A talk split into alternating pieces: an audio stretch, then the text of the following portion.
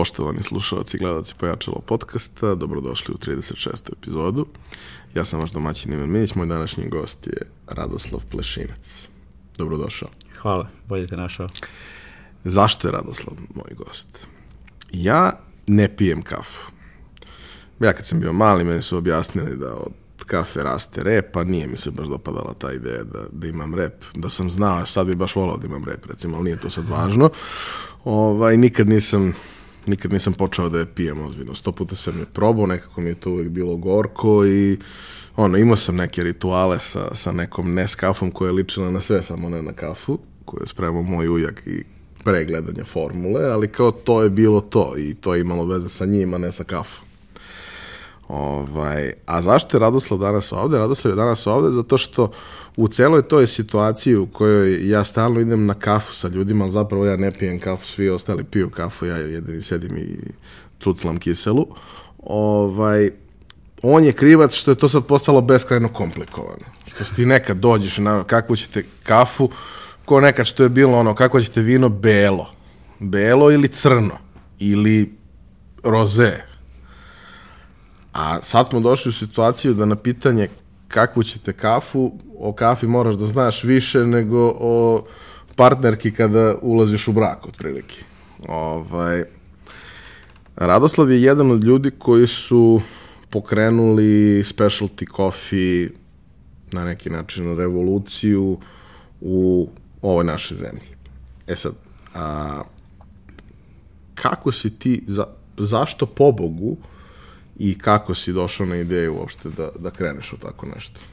E, prvenstveno, e, mislim da se ideja javila iz ogromne strasti o kafi i čaju, koja je bila samo strast pre 2006. godine i pošto sam 2006. godine odlučio da iz kvadranta zaposlen, pređem u kvadrant vlasnik malog biznisa ili preduzetnik, rešio sam da tu strast spojim sa, sa biznisom i da pokrenem kompaniju koja će se time baviti i doneti neke kvalitetnije kafe od kojih ne raste rep i koje nisu gorke. A kaži mi uopšte m, cela ta priča sa, sa specialty kafama kod nas je od relativno skoro aktuelna, ali to zapravo nije tako kratkoročan trend. To postoji već neko duže vreme. Koja je istorija uopšte? Mislim, koja je uopšte istorija komercijalne kafe na neki način? Generalno istorija kafe je da se kafa kroz, kroz zadnjih 100-120 godina kretala iz tri talasa. Prvi talas je bio veliki italijanski komercijalni pržioničari koji su predstavili espresso i kafu globalno kao, kao napitak. Iza toga se uh, desio Starbucks kao drugi talas uh, i uh, 90. godina prošlog veka u Americi se desio treći talas koji se zove specialty coffee i taj talas kao takav je imao za cilj da unapredi kvalitet uh, same kafe. A kaži mi karakteristike svake od, od tri stvari, pošto se ja u principu ne razumem u kafu, uh, svaki od tri talasa je za sobom nosio nešto. Šta je to? Tako. Što je nosio? E, prvi talas je nosio globalnu komercijalizaciju kafe kao napitka, e, konzumiranje kafe e, van kuće, jer je do tada kafa uglavnom konzumirana u kući, predstavljene konzumacije kafe van kuće. E, komercijalni veliki prežioničari su išli u pravcu e, velikih količina i kvantiteta. E, Starbucks kao drugi talas se e, krenuo krenuo razvoj kao talas koji je imao za ideju da unapredi kvalitet samog, samog uh, napitka kafe, ali su vremenom i oni se desili kao globalni fenomen iz neke ideje da drastično unaprede kvalitet kafe, uh,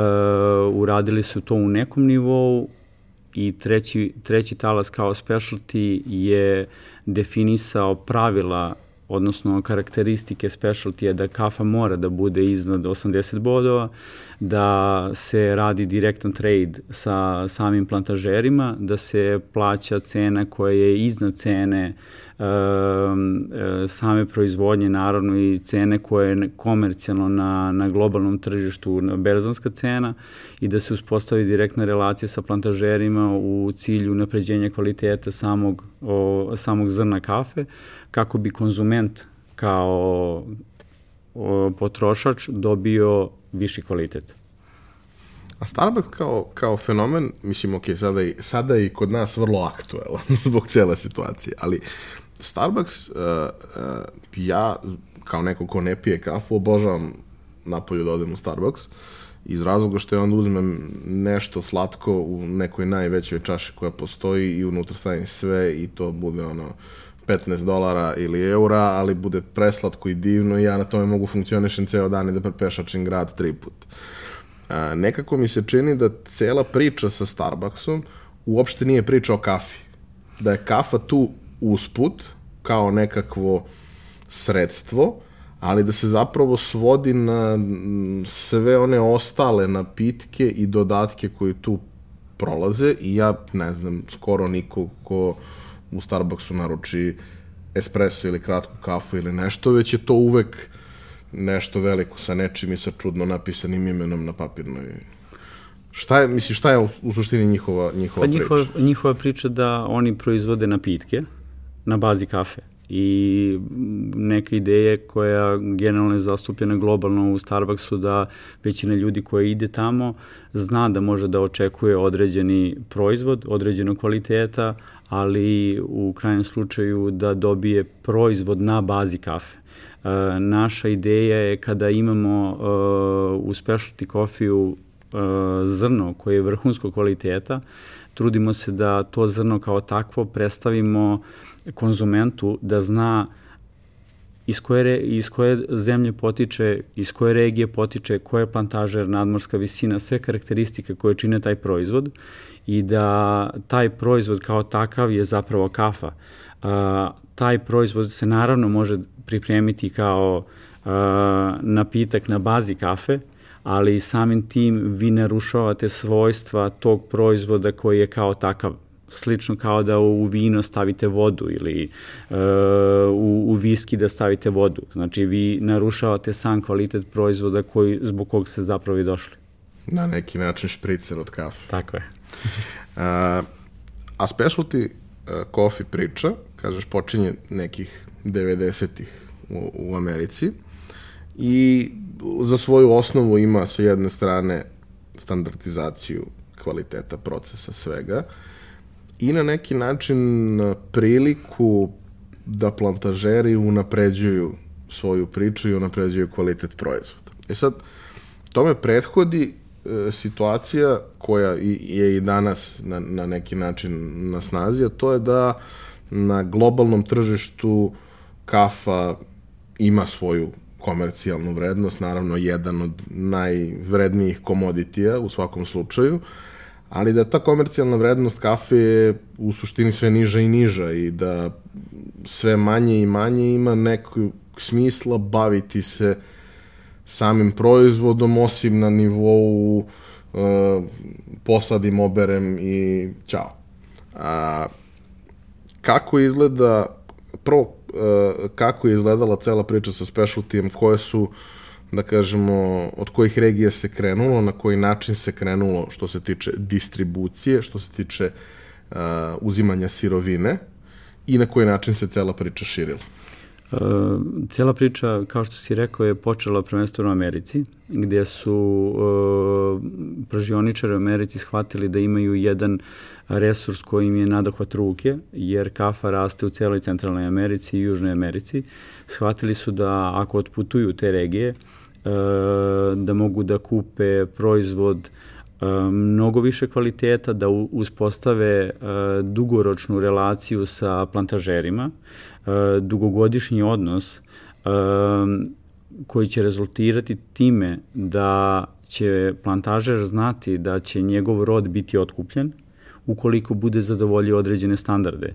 Uh, oni su uh, pri otkupljivanju uh, obrađenja kafe, sirove kafe, uh, plaćali cene koje su bile dovoljne da cena bude mnogo puta pretplaćena u odnosu na berzu, zbog toga što, kao što si rekao, berzansku cenu e, diktira ponuda i potražnja i e, ta cena kao takva trenutno je neisplativa ukoliko se bavite uzgojem kafe, ali ukoliko je plantažer odlučio da se bavi specialty kafama i da uspostavi dugoročnu, dugoročan odnos sa pržioničarima bilo gde u svetu, koji su napređivali njegove procese, uh, samim tim on je unapredio svoj kvalitet i dobio premium cenu za to što je proizveo. Uh, samim tim su i ostali plantažeri uvideli potencijal u tome, krenuli da sarađuju i polako od uh, commodity guca, znači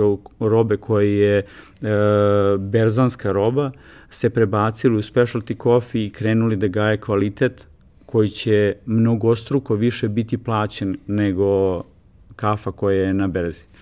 Hajde da samo postavimo na neki način ljudima redove veličina u glavu, a to je koja je, koji je odnos kvaliteta cene u, u svakom segmentu? Uh, trenutno je cena uh, kafe, uh, berzanska cena kafe negde oko 2,20 dolara za 1 kilogram, dok u specialty kofiju to može da bude kreće od nekih četiri puta, znači 8, 9, 10 dolara i ove godine pre par meseci u Panami uh, 1 kilogram sirove kafe plaćen uh, 2300 dolara. E, kupljen je aukcijski, e, što govori da jedna porodica koja se bavila uzgojom kafe kao poljoprivrednog proizvoda je za 1 kg kafe koji je ocenjen kao proizvod koji ima 95 poena, dobila preko 2000 dolara za kilogram. Ako to uporedimo sa nečim što košta 2,2, razlika je očigledna. E, naravno da ne mogu svi plantažeri na globalnom nivou da se bave e, specialty coffee i nema ni tolike potrebe za tim, niti tolike potražnje. Specialty coffee su plantažeri prepoznali kao mogućnost da imaju bolji proizvod, bolji kvalitet i taj kvalitet da prodaju po mnogo većoj ceni i dugoročno da uzgajaju kafu kao poljoprivredni proizvod, a ne neku drugu kulturu. A, kaži mi sad, a, ako pričamo o a, specialty kafi, to što si naveo je ekstrem. I on je dobar čisto da vidimo koje su neke go, gornje i donja granice. To, to si na neki način i pomenuo, ali u proseku se nalazimo negde bliže o, o ovom početku, to je znači 5, 7, 10 puta više od neke regularne cene. E sad pominjao si da tu postoji uh, nekakva skala uh, kvaliteta. Tako je. Na koji način je uspostavljena skala i kada je uspostavljena skala? Uh, Specialty Coffee asocijacije i generalna industrija kafe ima uspostavljenu skalu kvaliteta kafe i kafa se boduje. Uh, od 1 do 100 bodova i kafa koja se nalazi u specialty coffee segmentu je kafa iznad 80 bodova. E, kafa ima određene karakteristike i te karakteristike nose određeni broj poena. E, ti prilikom testiranja kafe dolazi se do uh, toga da kafa nosi određeni broj, u zavisnosti od tog broja se i vredno je njena ovaj, vrednost i kafe koje su iznad 80 bodova se nalaze u specialty kofiju, kafe ispod toga se nalaze u commodity goods segmentu, odnosno u komercijalnom segmentu kafa i većina proizvedene kafe kao poljoprivrednog proizvoda se nalazi u, u tih 80%, ovaj, 80 do 90%, jedan mali procenat, oko 10% globalne produkcije kafe je samo specialty kafa, zbog toga što uh, ogromni komercijalni pražioničari uh, traže kvantitet, dok specialty kafa traži uh, kvalitet. Jer uh, svi mali uh, specialty coffee pražioničari teže vrhunskom kvalitetu i traže kafu iznad 80 bodova, jer uh, taj pokret ne nosi volumene kakve nosi globalno tržište kafe kao uh, commodity goods. Uh, ono što smo na neki način svi koji, koji pratimo, mogli da ispratimo u prethodnih 15 godina kod nas, to je da postoji u raznim segmentima uh, potreba za specializacijom i potreba za nekim, da kažemo, visoko kvalitetnim nišama, koje opet ni u svakom od tih ovaj, svakoj od tih industrija ne predstavljaju nekakav veliki procenat tržišta, ali omogućavaju da se na neki način ljudi specijalizuju na tim, na, o tim stvarima ovaj, nauče više i na neki način se zanatski bave time, a da mogu da, da, da žive od svega. I sad, ono što ja negde mogu da, da, da ispratim, verovatno toga ima i, i, i u drugim industrijama, to je da je ovde krenulo sa vinom. Pre 15 godina smo prvi put imali to da nije samo mislim, crno i belo, nego postoji neko objašnjenje koje ide u sto i da ti zapravo kad probaš to vino, postoji razlog zašto je ono takvo. Ja ne znam da procenim za ta ultra, ultra, ultra skupa i ekskluzivna vina i slično, ali kao znam razliku između vina koje mi jako prija i vina koje mi ne prija, a obično postoji i neka razlika u ceni koja, koja je značajna. Dakle, krenulo je sa vinom, onda je krenulo na neki način da se pojavljuje i priča o tome da osim nekih komercijalnih viskija koji su dostupni, ono, crvenog Johnny-a, Jacka, Jim Beama i slično, postoje i neke malo ozbiljnije stvari, postoji nešto što se zovu single maltovi, pa ti onda pogledaš tu čašu pod svetlom, pa ti bude onako neobično to što se dešava u njoj, pa probaš, pa vidiš da to potpuno drugačiji ukus i teksturu ima i da, beskrajno je skuplje, nekoliko desetina puta je skuplje, ali ima zašto je. I onda počinje da se javlja trend koji je sad možda i najviše, najmasovniji i negde najsličniji možda ovome, a to je trend sa pivom. A to je trend da postoje sada već nekoliko vrlo ozbiljnih zanatskih proizvođača piva ovde, da postoji formirano čitavo tržište, da postoje lokali u kojima se samo to služi, ne možeš da dobiješ ono neko komercijalno pivo u njima. Mene to vrlo podsjeća na, na, na ovu priču sa kafom. Kako ti gledaš na, na te fenomene i koliko ti vidiš tu korelaciju?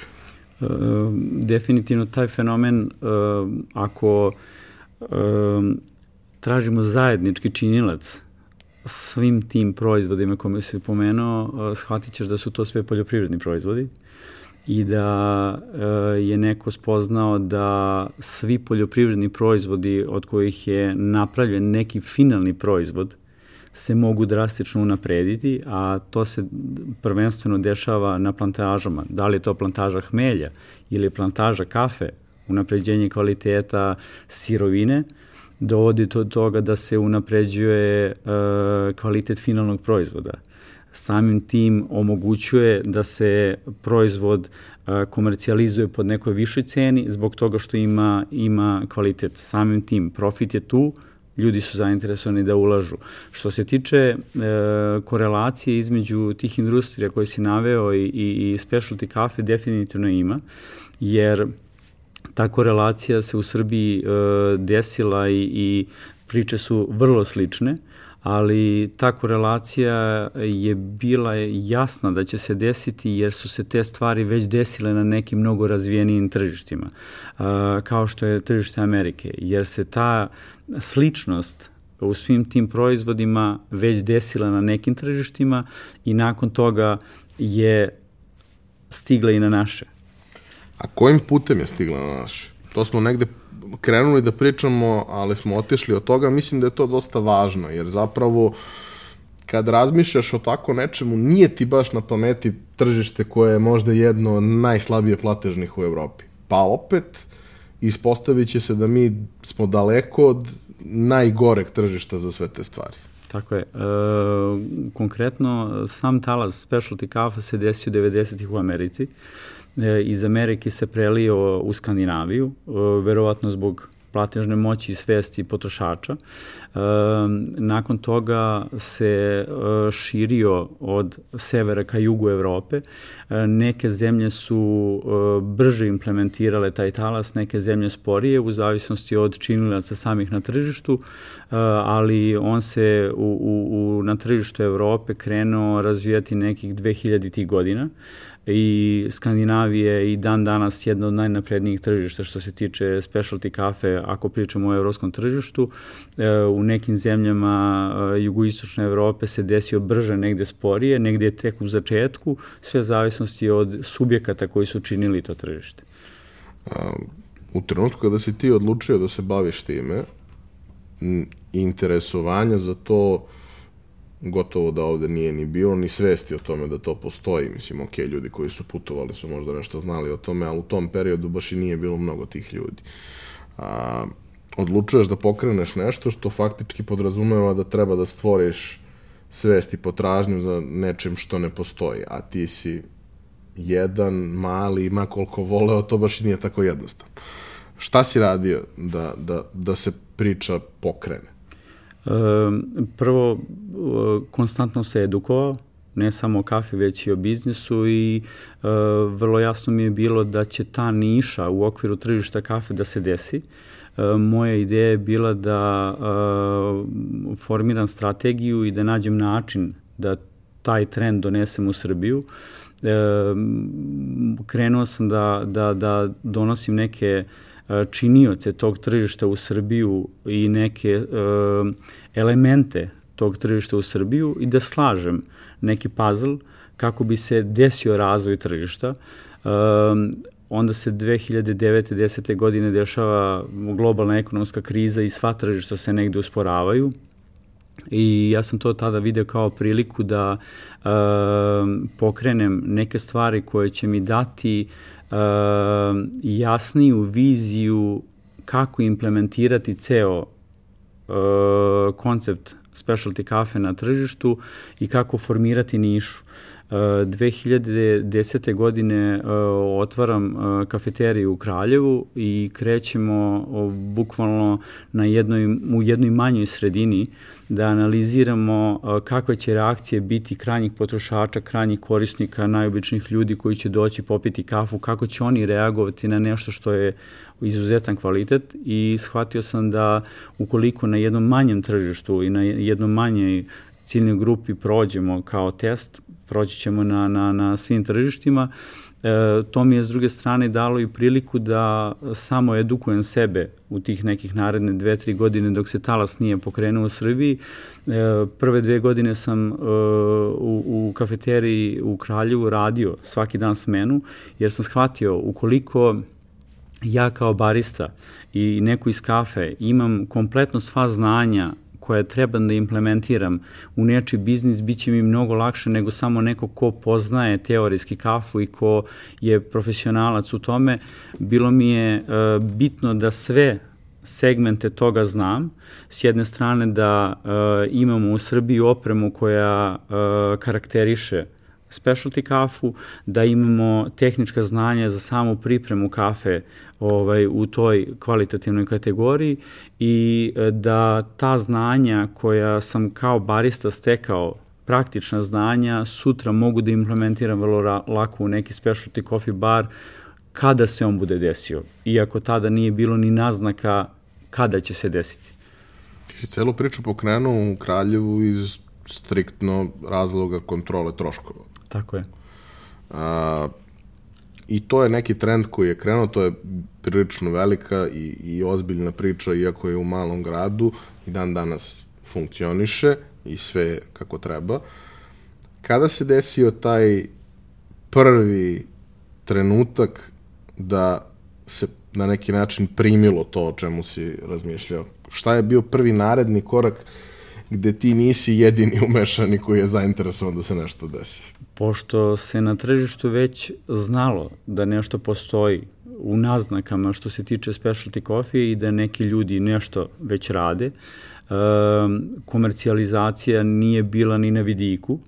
E, imalo je nekih nagoveštaja, ali nismo znali kada će se desiti konkretni, konkretni koraci. Uh, ja sam bio jako strpljiv i shvatio sam da za građenje jedne niše u okviru tržišta kafe se mora uložiti dosta vremena i prvi uh, neki okidač te niše se desio uh, 2012. na 13. godinu kada su neki ljudi iz Beograda shvatili da neko ima neka znanja uh, koje su vezane za specialty kafu, a pri tom ima još neka znanja koja uh, su karakteristična za nišu koja tek treba da nastane. Um, oni su imali spremnu investiciju, a ja sam imao spremno znanje. Kada smo uvezali tu investiciju i uh, to znanje, uh, dobili smo uh, kofein na Dorčulu uh, i nešto što je bukvalno bio okidač razvoja te niše, jer do tada su imali neki naznaci, naznake tog tržišta, ali ni blizu same komercijalizacije. Ne posto, nije postojao sistem, bilo je par Tako nekih je. izuzetaka, Tako ali vrlo, vrlo, da kažemo, sporadično, sporadično i nestalno Tako je. kroz neki period vremena. A, kofein u tom trenutku lokal koji se otvara je neobičan, mali, neću da kažem neogledan jer nije, ali ne deluje kao nešto od čega može da nastane nekakav biznis.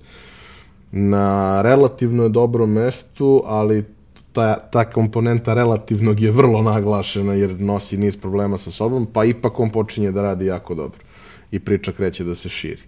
Uh, šta su bili dalji koraci?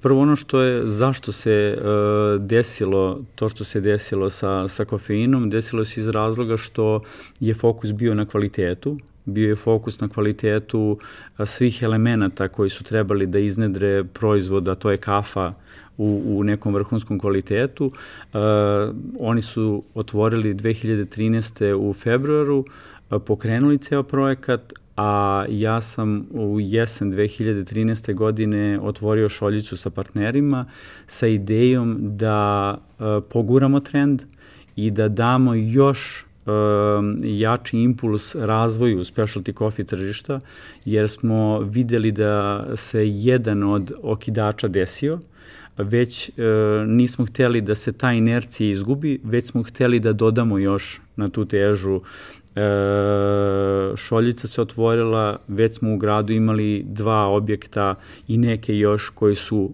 krenuli da se orijentišu ka specialty kafi, vrhunskom kvalitetu i iza toga kreće ubrzana komercijalizacija specialty coffee tržišta jer su e, određeni subjekti koji su danas prisutni na tržištu shvatili da je potencijal za tako nešto jako veliki kada neko ko nije imao prilike da se sretne sa specialty kafom, a, kada treba da mu prodaš priču da, da je to nešto što treba da proba, a, šta je ono što mu kažeš i šta je najčešća povratna informacija od ljudi koji prvi put probaju tako nešto? E, vrlo lako je uraditi e, poređenje sa vinom, e, jer ima neku dužu tradiciju bolje kvaliteta. Ehm, jer sama, sama ideja je predstaviti nekom e, zemlju porekla, predstaviti plantažera, plantažu, znači bukvalno mu dati jedan, jednu ličnu kartu tog proizvoda i sa svim njegovim ovaj, karakteristikama. E, ono što je neka moja ideja bila svih ovih godina je da se vrši lagana tranzicija, edukacija e, gostiju, potrošača, jer e, u na globalnom tržištu kafe i u specialty kafi postoje uh, različite zemlje proizvođači, uh, različite botaničke vrste uh, koje nose određene karakteristike.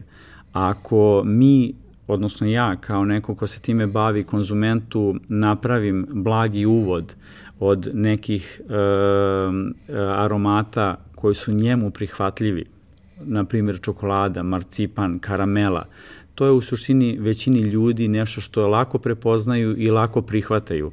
A, a ako to, tom nekom predstavimo kafu iz Kenije koji ima izuzetnu kiselost zbog toga što ta kafa kao takva e, ima te karakteristike koje je čine, e, nisam siguran da ćemo dobiti e, konzumenta. Znači, moja ideja je bila da se vrši la, lagana tranzicija iz kafa koje imaju prihvatljive i prepoznatljive arome, aromate u kafi, ka kafama koje su izuzetno kvaliteta, ali imaju neke druge aromate kojima se na prvo probanje neće svidjeti. Ok, ima ljudi koji vole različite stvari, Naravno. ima ljudi koji vole različite vrste piva, a one su vrlo slične u tom smislu da prosto kao ima piva koja su izuzetno gorka, koja su kiselkasta, razni stauti i slične stvari koje potpuno ono nekom default konzumentu koji je naviko da pije lager ili pilsner u najboljem slučaju, to uopšte nije pivo. Mislim, njemu čak to ne liči ni mirisom, ni teksturom, ni ničim na, na, na samo pivo. Uh, no, da se vratimo na kafu. Uh, voleo bih, uh, ako možeš da pojasniš tvoju uh, ulogu u smislu uh,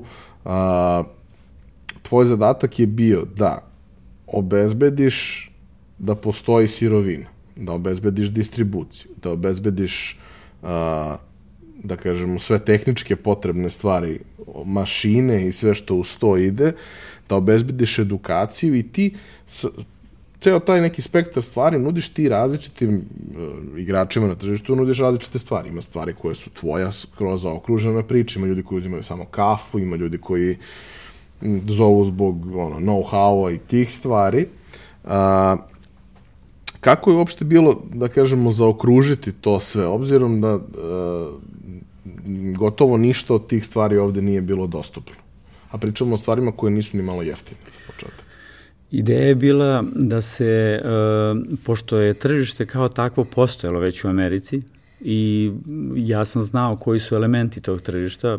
Postojali su, postojalo je tržište i postoji dan danas u Skandinaviji i znao sam i tamo da su isti elementi. E, znao sam da ako želimo da to tržište, tu tržišnu nišu razvijemo u Srbiji, da isti elementi moraju da budu prisutni. E, samim tim sam e, shvatio da e, u Srbiju se moraju doneti e, mašine određenog kvaliteta, mlinovi određene kvaliteta, složio sam kompletan portfolio tih proizvoda koji će procesuirati tu kafu i pripremiti je konzumentima, ali sam u jednom trenutku shvatio da uh, tržište ne ide u paraleli sa mojim razvojom i razvojom e, opreme za pripremu i shvatio da ćemo sutra imati investitora kao što je kofein ili nekog drugog ko će reći ok, imamo mašine, imamo znanje, ali o, i dalje nemamo glavnu komponentu, a to je kafa. U tom trenutku sam uh, rešio da pokrenem uh, Copa Coffee, da uđemo u projekat pržanja i uvoza prvenstveno kafe vrhunskog kvaliteta, prženja te kafe i distribucije ka, ka ono, subjektima na tržištu, jer sam znao da moram da imam sve činioce na, na, na, na tržištu da bi se tržište desilo. To se ispostavilo kao ispravnim, jer u trenutku kada smo pokrenuli određene projekte, uvezivali smo vrhunsku opremu, vrhunsku kafu, znanje i dobijali vrhunski proizvod. Koji od tih potrebnih činilaca je bio najproblematičniji? Nekako mi se čini da u toj industriji iz ugla nekog nezavisnog posmatrača, znanje ipak predstavlja i dalje najveći izazov. Mislim, za mene, e, kao neko ko ne pije kafu, dobar barista je ono što zna da nacrta medu. A mislim da poenta kafe nije u tome da nacrta neko medu ili srce ili, mada je super, lepo je, jako je lepo. Ovaj, Ali obično ljudi ka, koji stvarno vole i vrednuju kafu i bave se time, imaju one razne neke čudne mlinove kući i kupuju te neke čudne kafe i tako dalje. Oni na neki način veruju da onog trenutka da bilo šta dodaš u tu kafu, ti si uništio.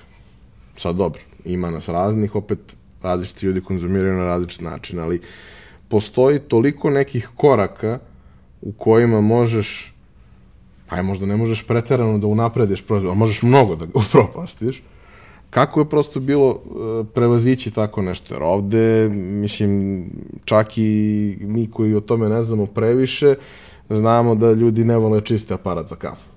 Jer to moraš da ostaneš, kad zatvoriš lokal, moraš da ostaneš i da se baviš time, a generalno niko ne želi da se bavi time. Tako je. Kako od toga dođeš do toga da neko stvarno mora da se bavi vrlo precizno i posvećeno svakom, svakim detaljem?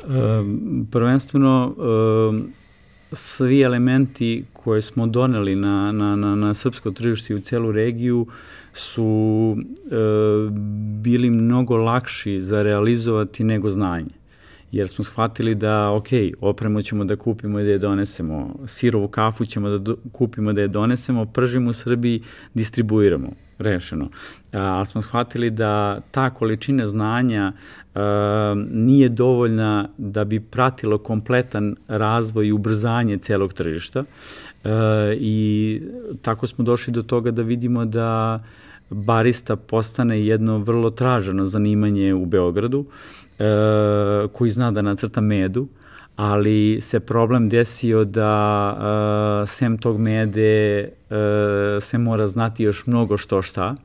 Uh, vrlo se lako nauče da se čisti kafema, da se urade neke stvari, sve su to neke lako, lako dostupne stvari, ali kafa kao kafa i kafa kao specialty coffee u tom nivou kvaliteta zahteva još neka dodatna znanja Moja ideja je bila da od prvog dana svoje znanje delim, jer sam znao da uh, je isti model korišćen i u Americi i u Skandinaviji, deliš svoje znanje, drugi ljudi uvećavaju svoje znanja, svi napredujemo kao profesionalci, jer je to jedna od karakteristika specialty na globalnom nivou da ljudi iz specialty uh, industrije uh, maksimalno dele znanje jedni između drugih.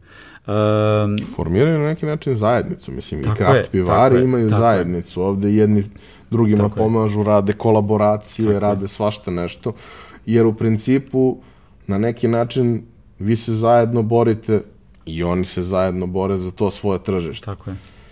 Imati 90% nečega što je jako malo i imati 30% nečega što uopšte više nije toliko malo. Znaš, svako treba da proceni šta mu je cilj u životu, ali uh, mislim da na neki način rastom svi imaju benefit. Tako je. E sad, tvoje znanje si stekao tako što si išao i sticao ga, plaćao ga, učio, upoznavao ljude.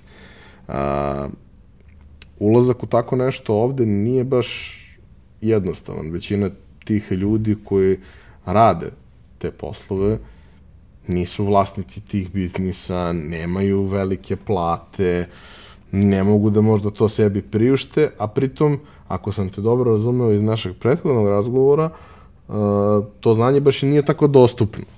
To znanje nije tako dostupno uh, zato što nije jeftino. Uh, na, na globalnom tržištu kafe sve je jako skupo, zato što je profitabilan biznis. E, to znanje u Srbiji nije bilo uh, uopšte dostupno, nije bilo lako do njega doći i ja sam shvatio da to znanje moram potražiti tamo gde je dostupno. Uh, sve to jako puno košta, putovanja, hoteli, edukacija, zato što ja sam znao bez, bez jasnog znanja o tome mi imamo samo još nekog znalca u Srbiji. Meni nije ideja bila da budem neko ko to nešto poznaje, već da jako dobro to znam i da to svoje znanje prenosim i taj isti šablon sam kasnije koristio da još neke ljude koji su se profesionalno bavili dan danas se bave kafom šaljem da dobiju neka oficijalna zvanična znanja, jer pod okriljem Specialty Coffee asocijacije Evropa, sada Specialty Coffee asocijacije, jer su američka asocijacija Evropska ujedinjene, je moguće dobiti neka zvanična znanja o kafi, znači neka zvanja koja su e, bukvalno data univerzitetima na proveru, jer uh, su se radili određeni testovi, jer istorija kafe kroz, kroz, kroz vekove uh, se razvijala bukvalno na, na nivou uh, ne toliko tehničkih znanja.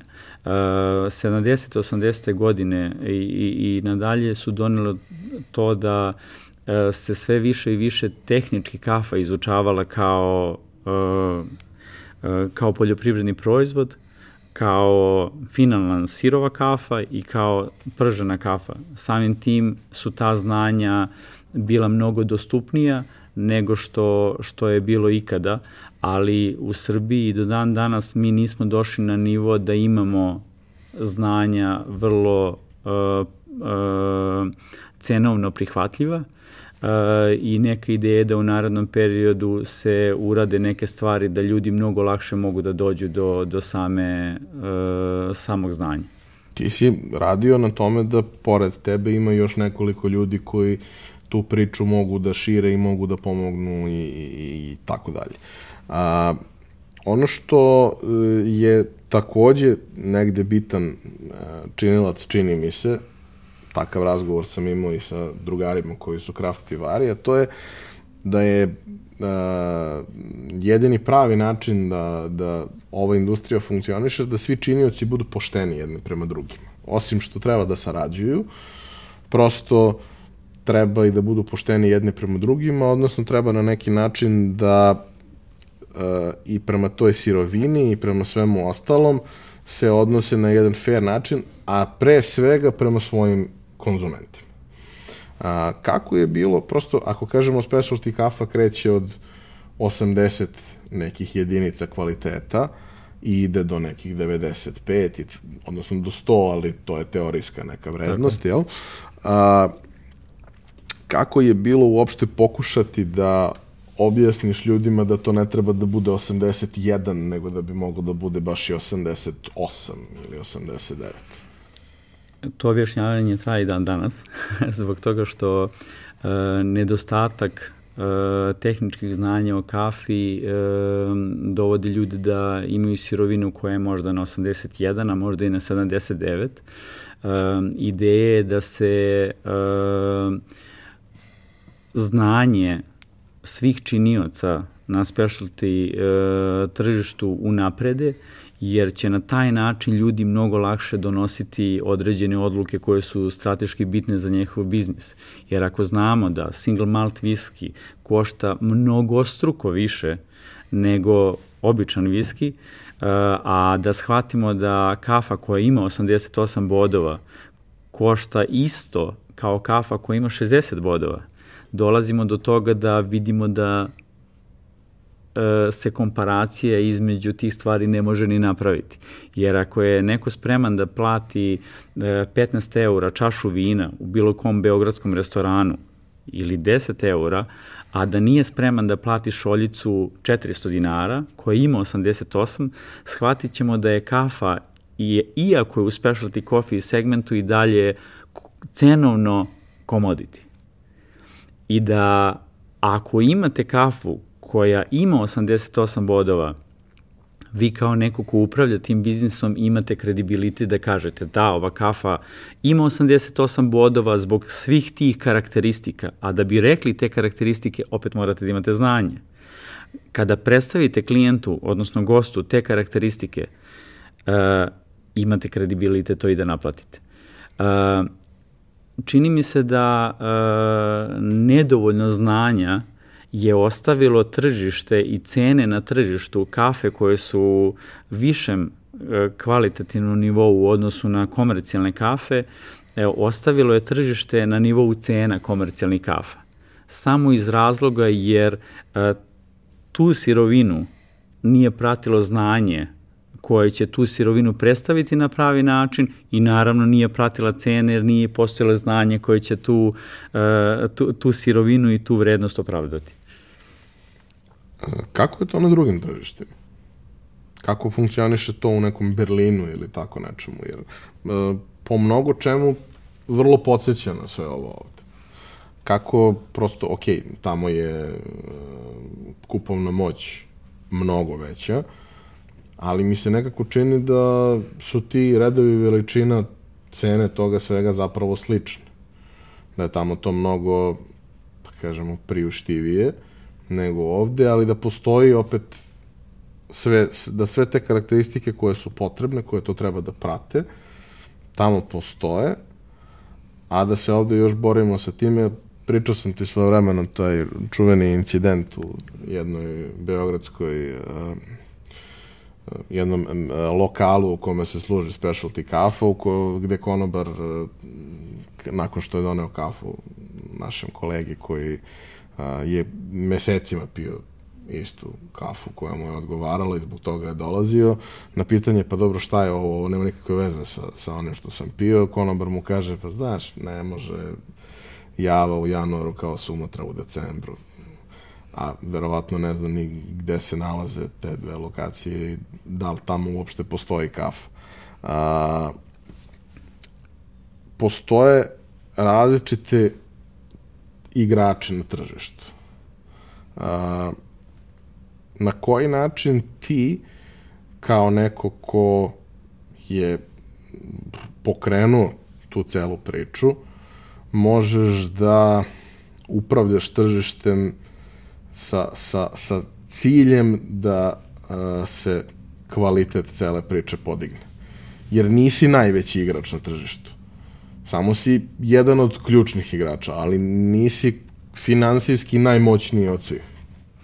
E, kao što je s početka priča bila o e, kreiranju tržišne niše, e, tako i sada definitivno se tržište mora upraviti da ode na stranu na koju treba da ode i da konzument kao konzument bude siguran da će dobiti ono za šta je platio ili šta je u krajnjem slučaju tražio.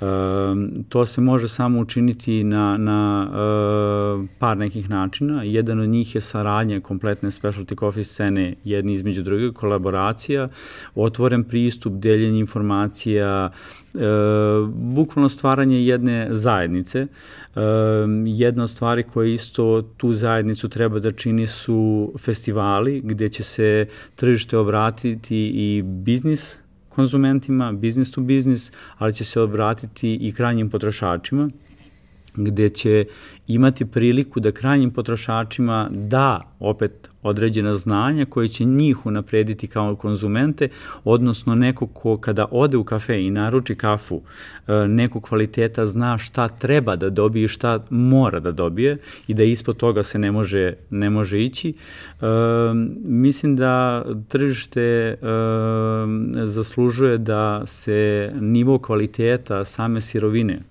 kafe kao poljoprivrednog proizvoda podigne na mnogo višu lestvicu, jer ako se nivo sirovine podigne na višu lestvicu, svi činioci tog tržišta će to pratiti. Zato što ako na tržištu imate a, igrača koji je spreman da ide a, jako visoko što se tiče kvaliteta, a, taj igrač će biti referentna tačka. Jer ako konzumenti na, na, na nivou Srbije imaju priliku da probaju nešto što je izuzetno kvaliteta, uh, mislim da će to izvršiti određeni pritisak na tržište, da tržište odreaguje i unapredi i sirovinu i znanje. Unapređenjem sirovine i znanja, gde će, će se jedan miks da ćete dobiti još bolji proizvod. Samim tim će konzument na kraju biti srećniji. Kada kažeš, baš to mi je matematika cele operacije mi je bila vrlo interesantna kao nekome ko prosto ono kao ne, ne, ne bavi se time, ne razume se u to sve. Meni kada kažeš imaš sirovinu, jer mislim kafa je, ok, postoji aparat, postoji sve što ustoji, ali kao kafa je staviš sirovinu i dobiješ proizvod, nemaš sad dodaš šest sirovina pa sad nešto se tu dešava. Kažeš staviš sirovinu X, dobiješ proizvod Y za neku količinu novca. Staviš sirovinu koja je tri puta skuplja od X, to ne znači da ćeš dobiti tri puta skuplji proizvod. Naravno, ali ćeš dobiti konzumente koji će, biti, uh, koji će dobiti za isto novca mnogo bolji proizvod. Ali, uh, dugoročno, kada se tako nešto uradi, uh, em što gradite kod svojih gostiju kredibilitet, da ste neko ko razume tu sirovinu uh, i spremni da platite za tu sirovinu, uh, konzumenti će shvatiti da vi možete da imate kredibilitet to skuplje da naplatite. Jer ukoliko imate dva vina, jedno vrhunskog kvaliteta i jedno jako loše kvaliteta i prodajete po istoj ceni, uh, konzumenti će shvatiti da tu definitivno nešto nije u redu.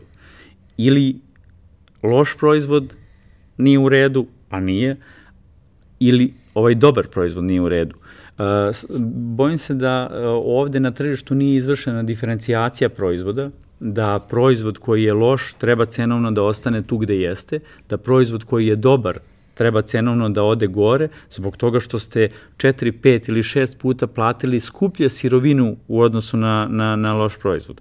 Uh, Ako to uporedimo sa bilo kojim drugim tržištem, tržištem kraft piva, tržištem vrhunskih vina ili single malt viskije, vidjet ćete da to nije ni blizu slučajnost. Da imate uh, loš proizvod i dobar proizvod na istoj ceni. Ali postoji taj moment uh, koji vrlo često, da kažem, ljudi ne poslože na pravi način u svojoj glavi kada razmišljaju o tome, a to je da u krajnjoj ceni kafe ta sirovina, iako je jedina sirovina koja postoji u celoj priči, je samo jedna komponenta, iako, ne znam, kilogram kafe za espresso koji kupujete, koji je, koja je slabo kvaliteta, košta 7, 8, 10, 12 eura i uzmete vrhunsku kafu koja nije u onom top, naravno, top, top, naravno, ali naravno. vrlo, vrlo jako dobru kafu koja je 22, 3, 4, ti 100 kg kafe izvučeš 150, 200 kafa. Kad podeliš to, ta razlika je desetak dinara po šoljici. Naravno da uz bolje sirovine i sve ostalo i na neki način treba platiti tu brigu o proizvodu i svemu tome. Tako je. Ali to nije razlika, ova kafa košta 150 dinara, a ova kafa, pošto je u sirovini skuplja 10 dinara, treba da košta 350 dinara. To je negde relacija koja podrazumeva višu cenu 20, 30, 40%, u nekim slučajevima možda i više, ali to je razlika koju su ljudi, kada probaju to, ako im se svidi, opet, naravno, naravno vrlo verovatno spremni da plate za, za, za bolji proizvod. A zapravo, matematika nije toliko, nije uh, linearno, ovo je duplo, pa je i ovo duplo. Mada kod nas ljudi kažu, to je stari onaj vic, ovaj, kako ide posao, pa kupim za dinar, prodam za dva, jes zarada 1%, ali živi se. a, kaži mi, a, ako pravimo neki presek, dakle, da kažemo da da, da je tržište krenulo u ozbiljnu ekspanziju pre faktički šest godina. Ti se ovim baviš više od deset, što ovaj, samo znači da u svak, na svakom početku sledi nekoliko godina muke i patnje, ali za ovih šest godina, šta su neke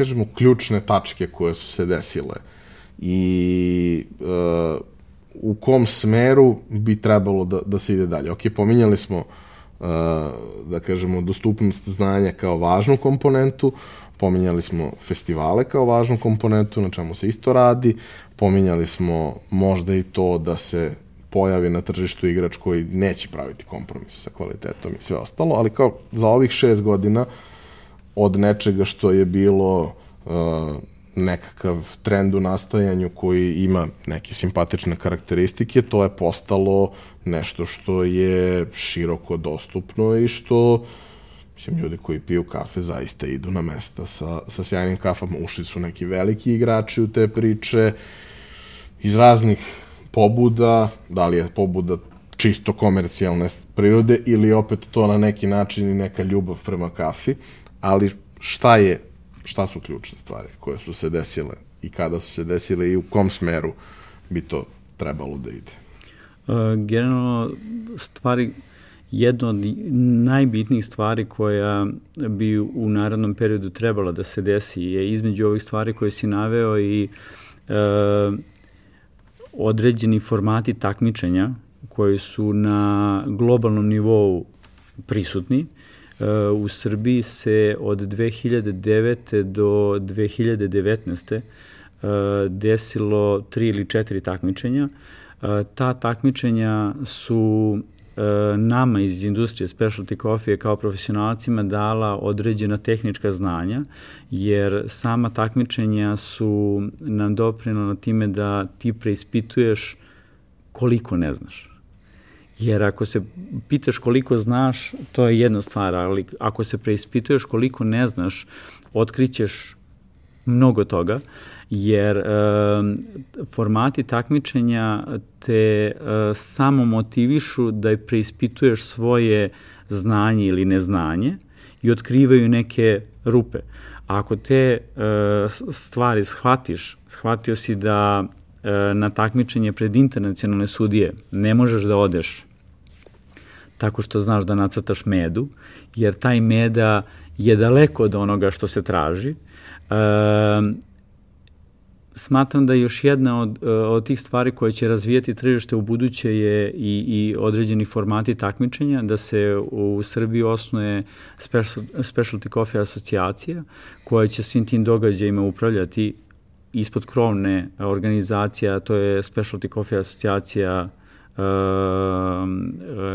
međunarodna, uh, jer uh, su svi ti standardi već jako postavljeni. Uh, Ono što mi, smatram da, da će uticati drastično na, na povećanje uh, i unapređenje tržišta je uh, najbitniji faktor po meni je znanje. Zbog toga što, kao što si pomenuo malo pre, uh, ukoliko je razlika između uh, bolje sirovine i lošije sirovine, 10 dinara po šoljici ili 20 dinara po šoljici, niko neće investirati ako ne zna u što treba da investira. E, ako ne možeš kao neko ko treba da investira, a ne baviš se kafom, da kupiš kvalitetniju sirovinu, tebi razlike između tih 10 ili 20 znače samo neki brojevi.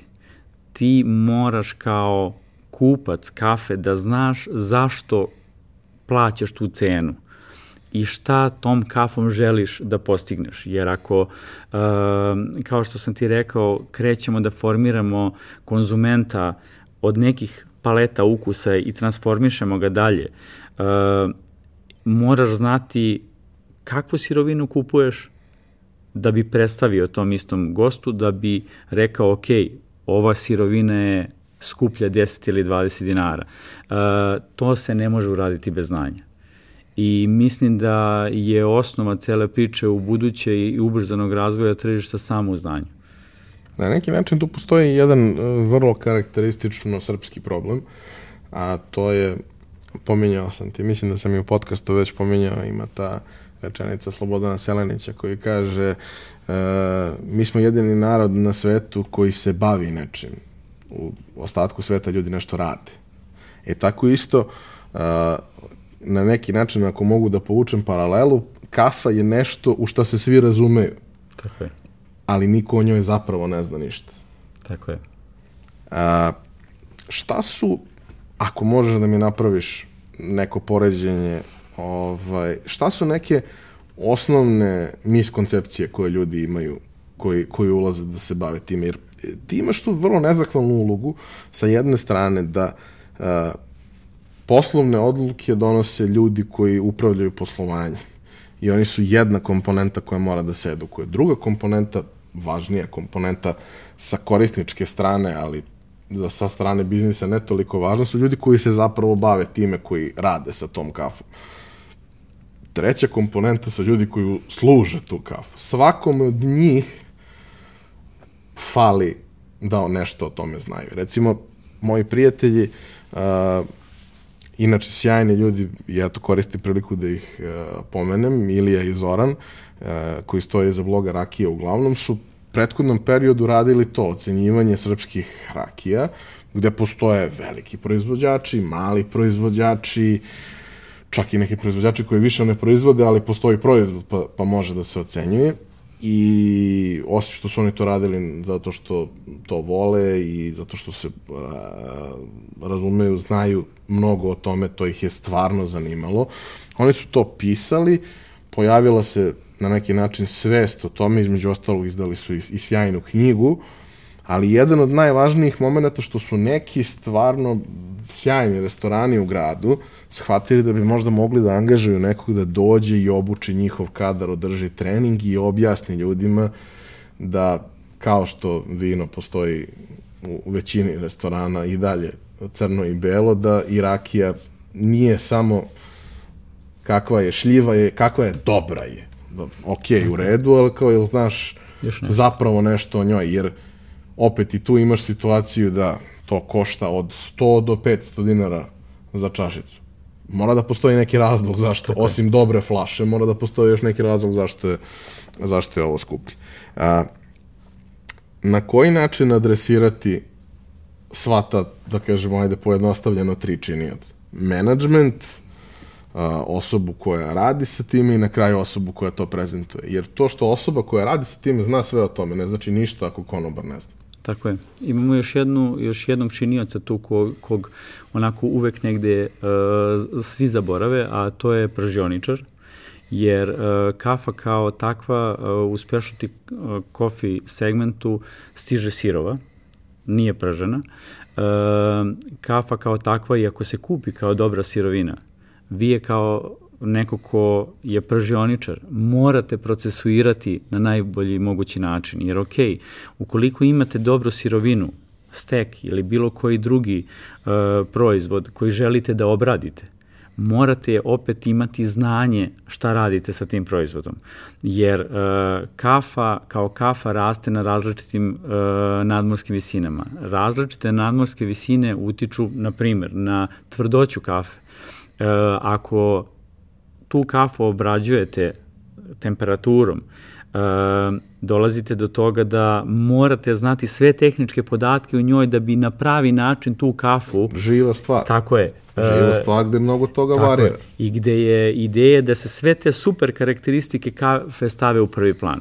To je prvi deo priče. Drugi deo priče kafa je stigla u kafe i sad kreće barista da je sprema, E, konobar da je služi, konzument da je konzumira. Uh, i, i, I ova sva tri koraka je neophodno izvršiti edukaciju tih ljudi, jer uh, oni su zapravo svi ti činioci koji transformišu uh, taj kvalitet. Pražioničar je odradio svoj posao. Barista mora da zna sve što je neophodno da bi spremio kafu na najbolji mogući način i neko kao, ko, ko je konobar da tu kafu servira i da i dalje zna određene informacije o toj kafi, jer je od plantaže do šoljice jako dug put i dosta činioca ima. Ako se taj e, sled negde prekine, neko će na kraju dobiti proizvod koji nije tražio ili nije očekivao. E, samim tim dolazimo do toga da svi ti činioci moraju da budu u ravni da bi proizvod bio tih 88 poena i da bi neko imao kredibilitet da taj proizvod naplati više. Hajde za kraj samo da napravimo nekakav presek stanja, a, ali kad kažem presek stanja, ne presek stanja na našem tržištu, nego presek stanja gde smo mi to zapravo. Jer je to vrlo neobično gde smo mi zapravo. I takođe, pošto si ti osoba koja je u kontaktu sa, da kažemo, vrlo referentnim ljudima u, u, u samoj industriji, neki od njih su imali prilike i da budu ovde, da probaju neke stvari, da vide kako to sve izgleda. Mi mislimo da smo mi poslednja rupa nasvirali na svakom tržištu svega i mnoge stvari nam govore u prilog toga. Kad odeš u prodavnicu i kupiš proizvod koji globalno prisutan proizvod, to taj koji si dobio ovde vrlo često lošije kvaliteta, ima niže koncentracije ključnih stvari i tako dalje. Ali zapravo na tržištu specialty kafe to nije slučaj. Na tržištu specialty kafe mi smo vrlo, vrlo ozbiljan igrač u regionu, možda i najozbiljniji, pa kako prosto kad bi trebalo da, da, da nam napraviš analizu šta bi, šta bi istakao od tih stvari i šta šta su reakcije, da kažemo, kolega koje se prvi put sreću sa time i ne znaju šta da očekuju uvek i kada pričaš sa ljudima, bio je Lazar Stojković, bilo je gomila ljudi koji su u nekom trenutku dovodili kolegi iz inostranstva. Naj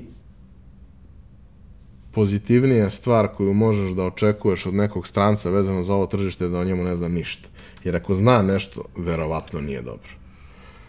I onda se većina njih oduševi kada dođe. Shvati da mi nismo ljudi, divlji ljudi, da ovde postoji struja, tekuća voda, bežični internet, žični internet, sve što treba.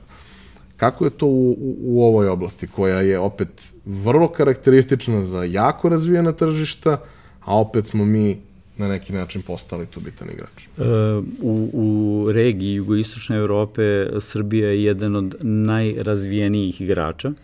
E, taj trend je e, mnogo prisutniji i tržište je mnogo razvijenije nego sve, sve zemlje bivše Jugoslavije. E, na nivou nekih e, evropskih, zapadnoevropskih zemalja, mi možemo da se poredimo sa njim. E, njima e, pomenio si Berlin,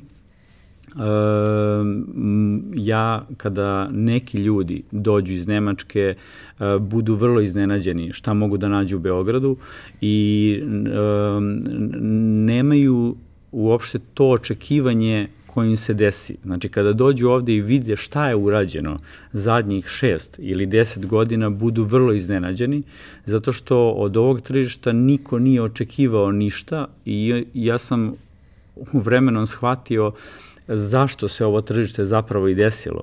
Jer da bi se jedno tržište desilo i da bi se jedno tržište razvilo, moraju da budu ljudi koji će da ga proizvedu. Uh, u nekim zemljama bivše Jugoslavije tih ljudi dan danas nema.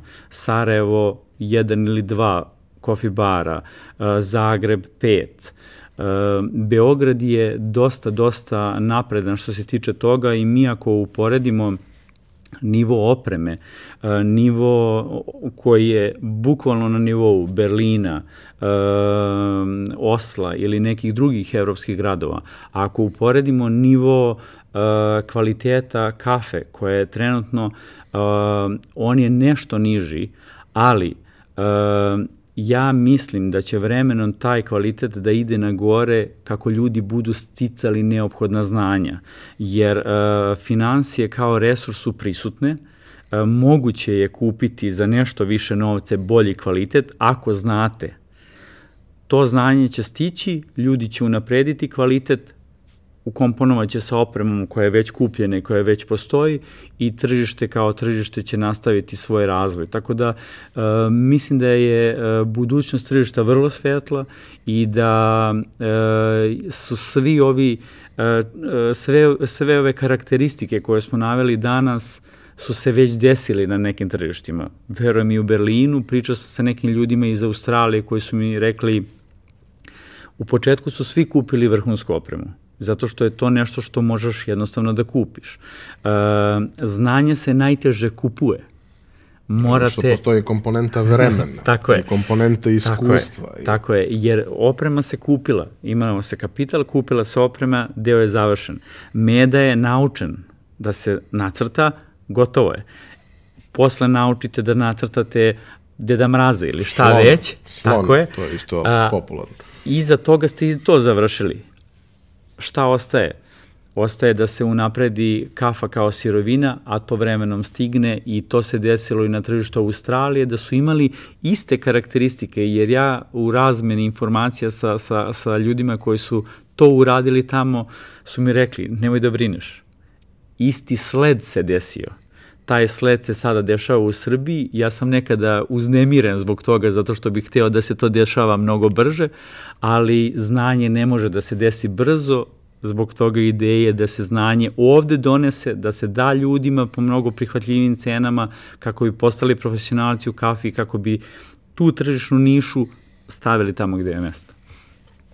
Samo jedna stvar za kraj ovde opet ne pričamo, kao što, i sa kraft pivarima i sa svim ostalima, mi ovde ne pričamo o tome da će tržište specialty kofije, naročito u Srbiji, Turskoj i takvim zemljama u kojima postoji istorija konzumacije kafe koja je ozbiljna, to nikad neće ugasiti nekakve velike komercijalne proizvođače iz hiljadu i jednog razloga.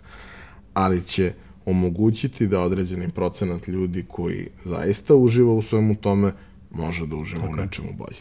Tako je. Uh, komercijalni veliki pražioničari na svim razvijenim tržištama su se još dodatno razvili. Specialty coffee nikako nije uh, opasnost po to tržište, već je deo tog tržišta, jedna tržišna niša. Ono što je dobro, što smo videli zadnjih pet godina, da su se uh, veliki e, pržioničari na globalnom nivou, evropskom nivou i srpskom nivou transformisali iz od toga da im komponenta e, sirovine, kafe, koja im nije bila u fokusu pre možda 5-7 godina, počinje da im ulazi u fokus i da oni unapređuju svoj kvalitet, jer je specialty izvršio određeni pritisak na to tržište. Uh, čak se i određeni trendovi specialty coffee tržišta koje je mnogo fleksibilnije jer je mnogo manje uh, prelivaju u komercijalne tržišta. Tako da sada smo od jedne tržišne niše koja se nalazila na tržištu kafe došli da se trendovi iz specialty kafe prelivaju u komercijalne kafe i prihvataju kao nešto dobro. Znači da ne mora David da pobedi Golijata, ne. mogu oni zajedno da unaprede celu priču. Radoslave, hvala ti na tvojoj priči. Hvala te. Poštovani slušalci i gledalci, hvala vam na pažnji. Kao i do sada, molim vas za komentare, predloge, sugestije i vidimo se na nekom narednom druženju.